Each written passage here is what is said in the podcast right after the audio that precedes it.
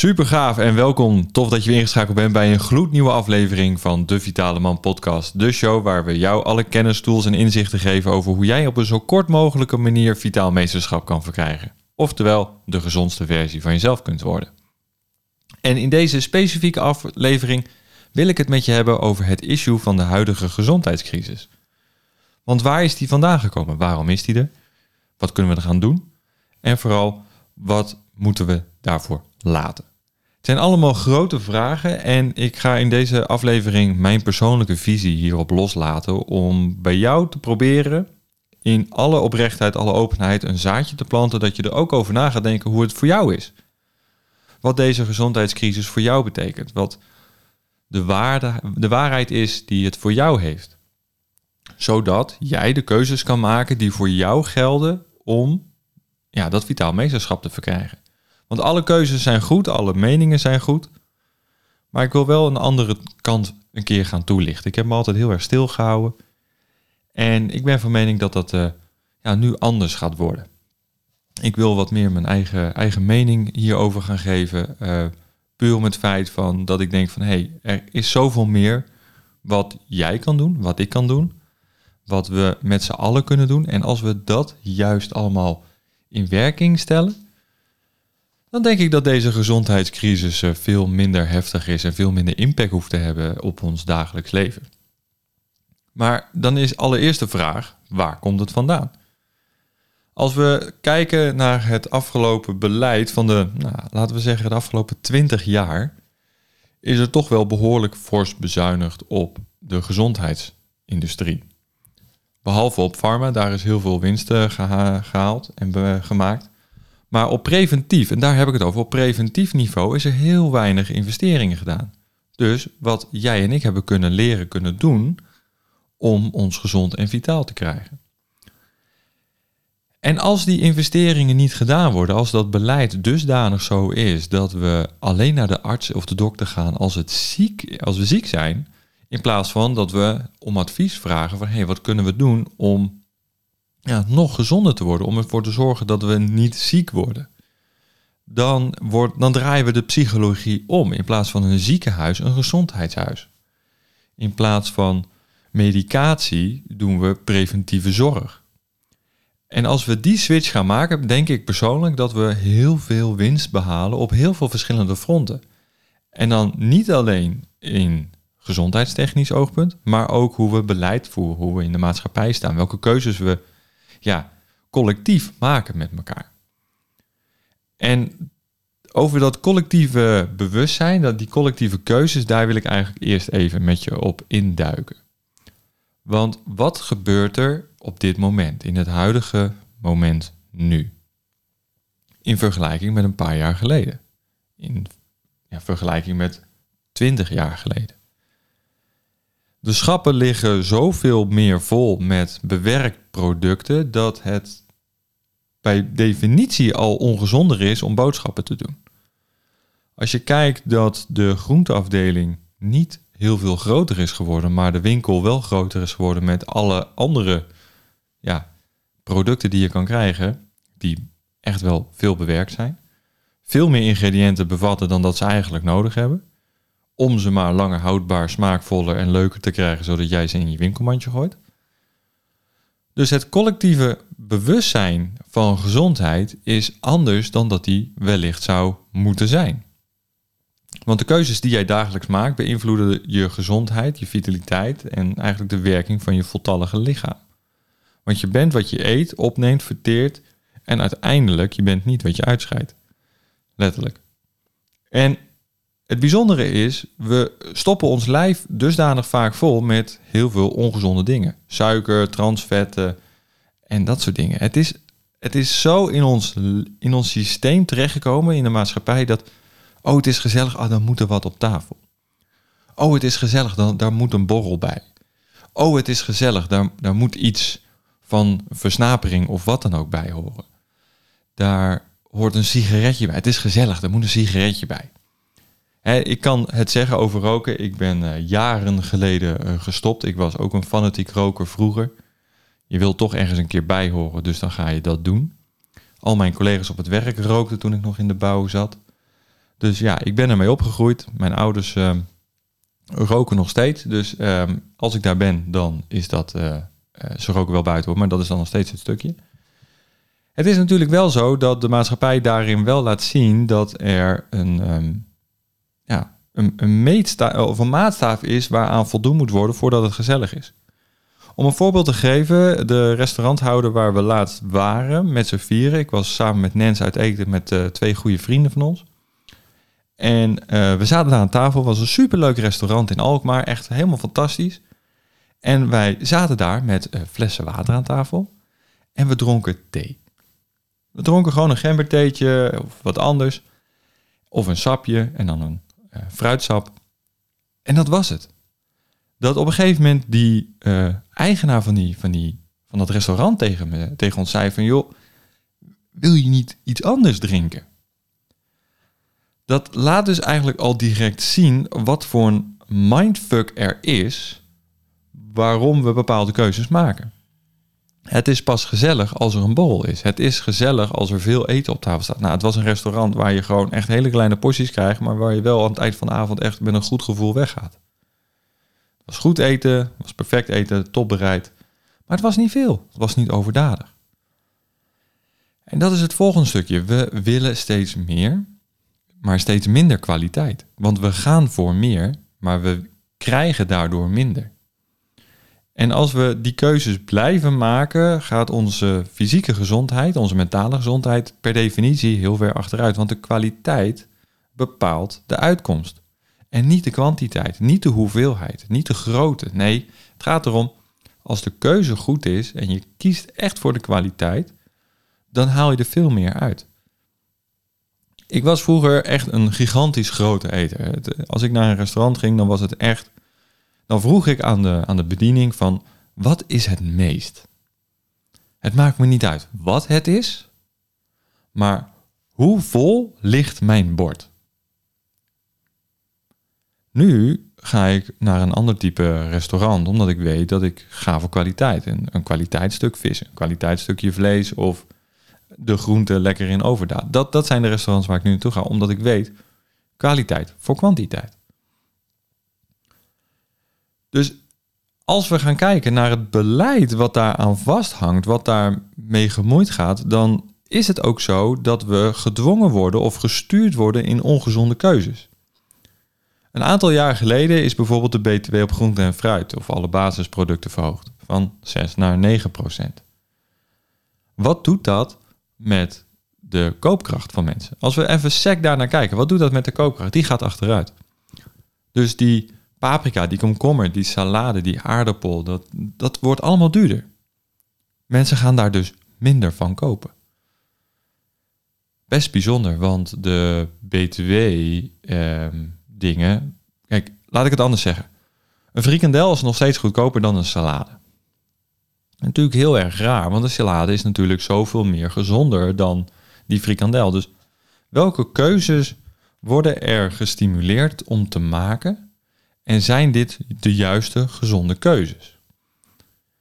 Als we dan kijken naar het afgelopen anderhalf jaar, moet ik eigenlijk zeggen, is het ongezonde advies wat gegeven wordt juist echt een, een beleid van afhankelijkheid en winst. Want die 9% BTW op een appel en sla, daar zit natuurlijk ja, weinig winst op en weinig controle. Maar om mensen te zeggen, joh, je mag pas iets gaan doen als je dit en dit en dit aan deze voorwaarden hebt voldaan, ja, dan heb je afhankelijkheid, heb je controle en heb je winst. Want vanuit de keuzes die mensen gaan maken, gaan ze het uitgeven.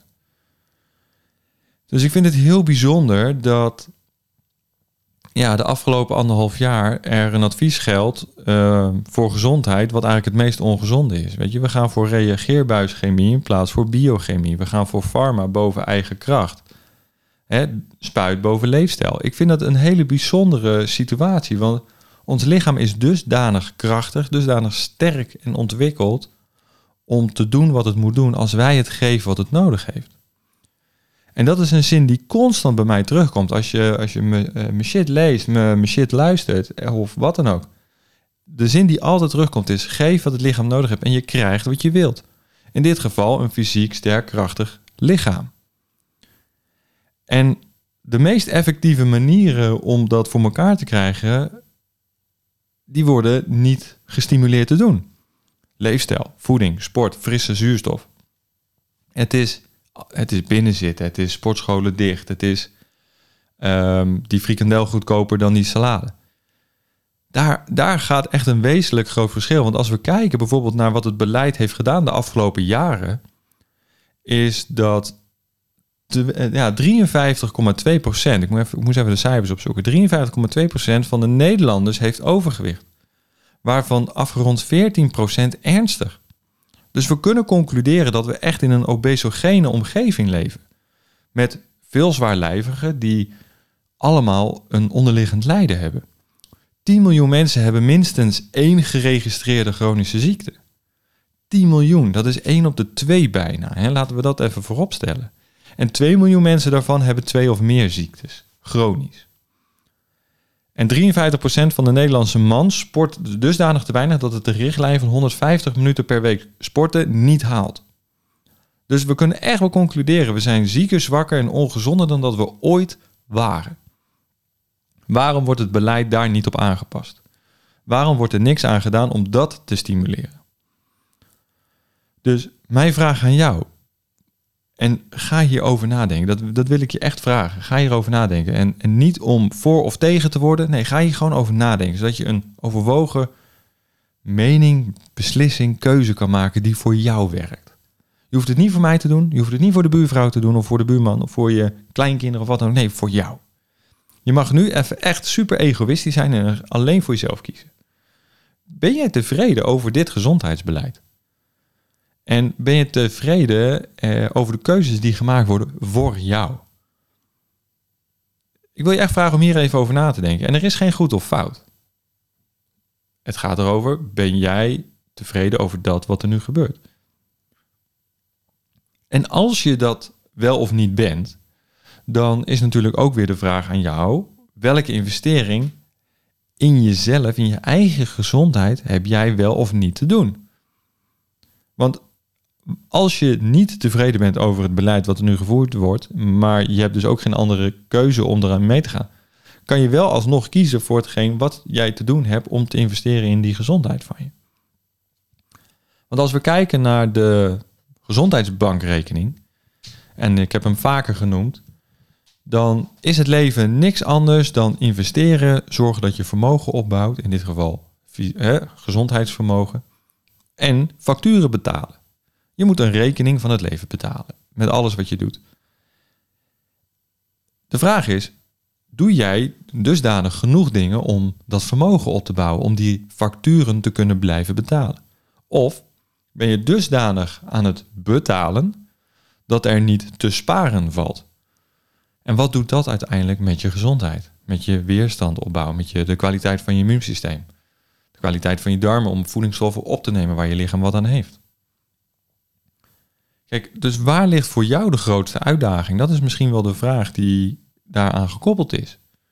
Wat is hetgeen wat je, waar jij op dit moment het meeste te doen hebt om ervoor te zorgen dat je meer winst uit je gezondheid kan halen? Waar het beleid nu gaat voor meer winst, sec in euro's en niet in gezondheidswinst, kan jij de keuzes gaan maken om te investeren in je gezondheid door een goede leefstijl, slaapoptimalisatie, voeding wat voor je werkt. Ga voor kwaliteit in plaats van kwantiteit. Minder vlees, meer vis. Minder plantaardige olie, want die zijn ontstekingsbevorderend. En daar eten we al zoveel van, dus liever die omega-3's. Het, het, sporten, haal je, haal je in ieder geval dat quotum van 150 minuten. Of doe je dat net niet, maar doe je bijvoorbeeld andere dingen, zoals yoga. Dat is op zich niet echt sport, dat je fanatiek zoals de sportschool, maar je bent wel bezig met beweging, met, met een andere vorm van sport. Doe je dat? En doe je dat of buiten, of zorg je dat je voldoende frisse lucht binnen hebt? En daag jij jezelf uit door bijvoorbeeld de kou op te zoeken. Dat zijn allemaal leefstijlkeuzes die jou beïnvloeden, positief beïnvloeden, voor een sterker, krachtigere en vitalere weerstand. En daarmee dus je gezondheid. Want de keuzes die jij dagelijks maakt, bepalen de kwaliteit en de uitkomst. En als jij meegaat met de keuzes van een ander, ben jij niet degene die de keuzes bepaalt die van invloed zijn op jou. Als je meegaat met de massa, bepaalt de massa hoe jij voor jezelf moet zorgen. En de vraag is, is dat evenredig aan elkaar? Is dat hetgeen wat nodig is voor jou? Kijk, als, je, als ik kijk naar mannen die ik begeleid, dan kijk ik niet naar generale informatie. Ik gebruik het wel puur als indicatie, maar het plan is altijd persoonsgebonden. Waarom? Ik ben anders dan hem. Hij is anders dan zijn beste vriend of zijn vader. De basis klopt wel. Hè? Het, het lichaam werkt op een bepaalde manier, maar waar er meer of minder behoefte is, dat ligt aan de persoon. Dat ligt in het DNA opgeslagen, dat ligt in de epigenetica, dat ligt in de keuzes die we dagelijks maken. En dat bepaalt uiteindelijk onze gezondheid. Dus daarom ben ik echt van mening dat we een persoonlijk plan moeten hebben en niet een generaal schietschijf van vijf verhaal. Dus een andere vraag die ik aan je wil stellen. Schrijf eens op, hè, kan nu, kan vanavond, schrijf eens op welke dagelijkse keuzes jij maakt die van invloed zijn, positief en negatief, op jouw gezondheid, op jouw vitaliteit. En vanuit daaruit kan je kijken, hey, investeer ik genoeg? Of ben ik alleen maar rekeningen aan het betalen? En kijk dan verder dan ik eet groente, dus dat is goed. Kijk verder. Kan ik meer variatie toevoegen? Eet ik voldoende groente? Want gemiddeld gezien eet de Nederlander echt te weinig groente. De schietschijf van 5 adviseert 200 gram groente. Dat redden we bij lange na niet eens. Dus dat betekent dat wat we misschien nu als gezond zien, niet eens gezond is. Want om een voorbeeld te noemen, en dat kan je gewoon googlen en er zijn zat uh, wetenschappelijke literatuur over te vinden. De ADH van, hè, dus de aanbevolen dagelijkse hoeveelheid van vitamine C, is dusdanig laag dat het het minimum is om geen scheurbuik te krijgen. Dat is de ADH. Dus als je 100% vitamine C binnenkrijgt, krijg je geen scheurbuik. Punt. Maar het leven kost nou eenmaal wat. Net als die rekening, dat kost vitamines, kost antioxidanten.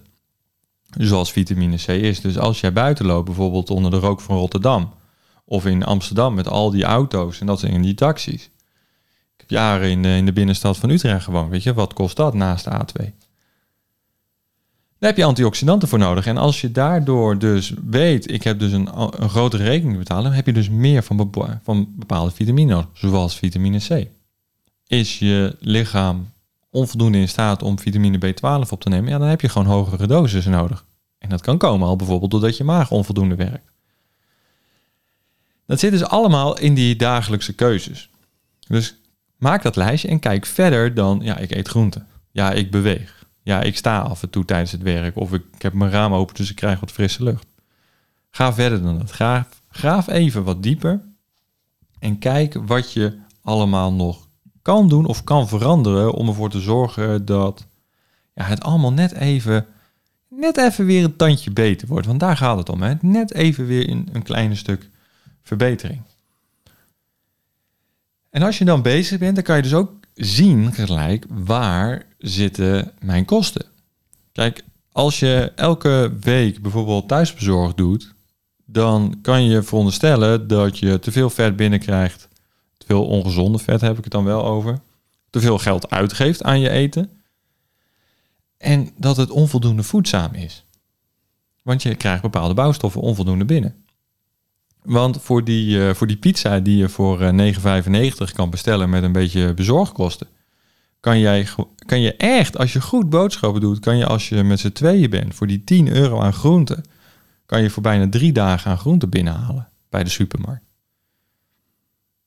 Realiseer je dat, hè? Eén maaltijd, thuis bezorgd, is ongeveer twee, drie dagen aan groenten. En dan heb ik het niet over 200 gram, dan heb ik het over, echt over serieus groenten. 500 gram per dag. Dat, dat is gewoon echt te redden. Dus waar gaan jouw kosten naar? En wat, is, wat kan je daarin veranderen zodat die gezondheid verbeterd wordt?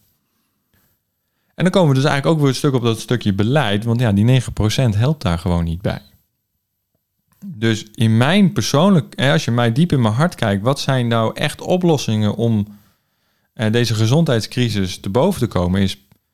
Nou, één, geen btw op groente en fruit. Als alles 9% goedkoper is, dan wordt het sowieso per definitie aantrekkelijker om het aan te schaffen. Een suikertax, verbieding van transvetten, vind ik een hele belangrijke. Want de, dus als er minder dan een, dan een procent in zit, hoeft het niet op de etiketten te staan. Ik vind dat het er gewoon niet eens in moet zitten. Transvetten worden in een fabriek gemaakt niet in de natuur. Dus daarbij is het sowieso ongezond. En eigenlijk ben ik van mening dat als we dan het toch ja, goed willen doen en hier in Nederland eh, heel veel via de basisverzekering gaat, waarom niet een multivitamine in het basispakket? En dan gewoon een kwaliteitsmultivitamine. Hè? Niet eentje die je bij de standaard drooggisterij haalt met allemaal niet actieve stoffen erin. Nee, gewoon kwaliteit. Er zijn drie, vier bedrijven hier in Nederland die sowieso al hele goede multivitamines uh, maken. Waar ik zelf ook mee werk. En als die vier in het basispakket zouden komen en je mag gewoon kiezen welke jij wilt, dan heb je sowieso al heel veel winst te pakken. Dus mijn advies aan jou, koop één goede multivitamine, dan doe je al honderd keer beter, meer je best voor je gezondheid dan de buurman en buurvrouw. En het is geen wedstrijd, maar je bent wel beter bezig. En als je dan helemaal goed bezig bent, neem je ook nog een visolie erbij. En als je dat doet, dan of als dat gedaan wordt, zo moet ik het zeggen, als dat het beleid gaat worden, dan komt gezondheidspreventie op nummer 1 te staan. En daar zit de winst. Niet voor nu, maar wel langer termijn. En als we dan wegstappen uit deze obesogene omgeving, dan gaan we echt ook op korte termijn de winst pakken. Dus eh, gezondheidspreventie op 1. Want dankzij dat overactieve immuunsysteem, wat ervoor zorgt of wat er eigenlijk is omdat we ongezond zijn, niet voldoende bewegen en onvoldoende goed gezond eten. Ja, houden we deze obesogene, chronisch ontstoken, niet sportende maatschappij, waar een frikandel goedkoper is dan een salade in stand. En dan word je dus opgeroepen om via een brievenbus uh, je gezondheid te verbeteren. En ik denk dat het daar dus echt fout gaat. Gezondheid komt echt van binnenuit en dat verkrijg je alleen maar door weerstand op te bouwen. Dus blijf je lichaam geven wat het nodig heeft, zodat je krijgt wat je wilt. Dus als je investeert in die gezondheidsbankrekening, dan wordt dat gezondheidsvirus wat nu heerst ook onder controle gehouden. En als we dat gaan doen, dan zit daar de oplossing. We moeten investeren in onszelf en niet de keuzes laten afhangen aan hetgeen wat iemand anders zegt of vindt. En daarin moet er een open dialoog komen van mensen die er echt verstand van hebben, uit allerlei hoeken. Dus ik ben meer voorstander van een meer holistischere aanpak. Zowel bij de eerste lijn zorg, tweede lijn en derde lijn zorg. Als we holistischer gaan kijken, dus meer generationeel systematischer en ervoor zorgen dat alle componenten meegenomen worden, dan gaan we echt wel de winst behalen. Want stel je eens voor, want dat is dan een voorbeeld wat ik je wil geven. Stel, dan, stel je dit eens voor. Je komt bij de huisarts en je zegt, ik heb, een, uh, ik heb ontzettend veel buikpijn. En uh, nou, ik heb eh, last van uh, obstipatie en dan weer in één keer diarree. Dus mijn darmen doen het niet. Wat zou je vinden van de volgende twee mogelijkheden? Eén, de arts, hè, de huisarts zegt, joh, hier heb je een pilletje en hier moet het maar mee overgaan. Dat is optie 1. Optie 2 is, oké, wat je nu zegt, kan honderden verschillende redenen hebben. Echt zoveel. Dat kan ik niet alleen beoordelen op dit moment. Daar hebben we een. Um, daar hebben we andere specialisten voor nodig. Mensen die beter in de orgaanmaterie zitten. Dus we halen er een darmspecialist bij. We halen er een, um, een, een meridiaan specialist bij om die energiebanen te kijken. Dus dan ga je meer holistisch kijken richting Azië. Die doet van hem waar ze fantastische dingen zien. We gaan kijken naar uh, Ayurvedische voeding misschien wel, of paleo voeding. Kijken of dat beter werkt. We gaan kijken, we, we doen onderzoek om te kijken waar die buikpijn in die obstipatie vandaan komt. We doen een uh, ontlastingsonderzoek. En daar komt dan bijvoorbeeld een heel erg groot uh, data. Daar komen, komt heel veel data uit.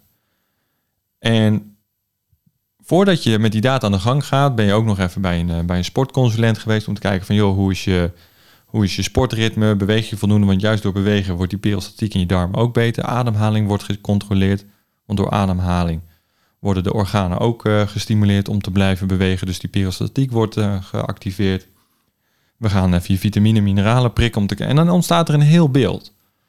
En dan kan iemand, dan kunnen we met elkaar zeggen: luister, dit is er aan de hand.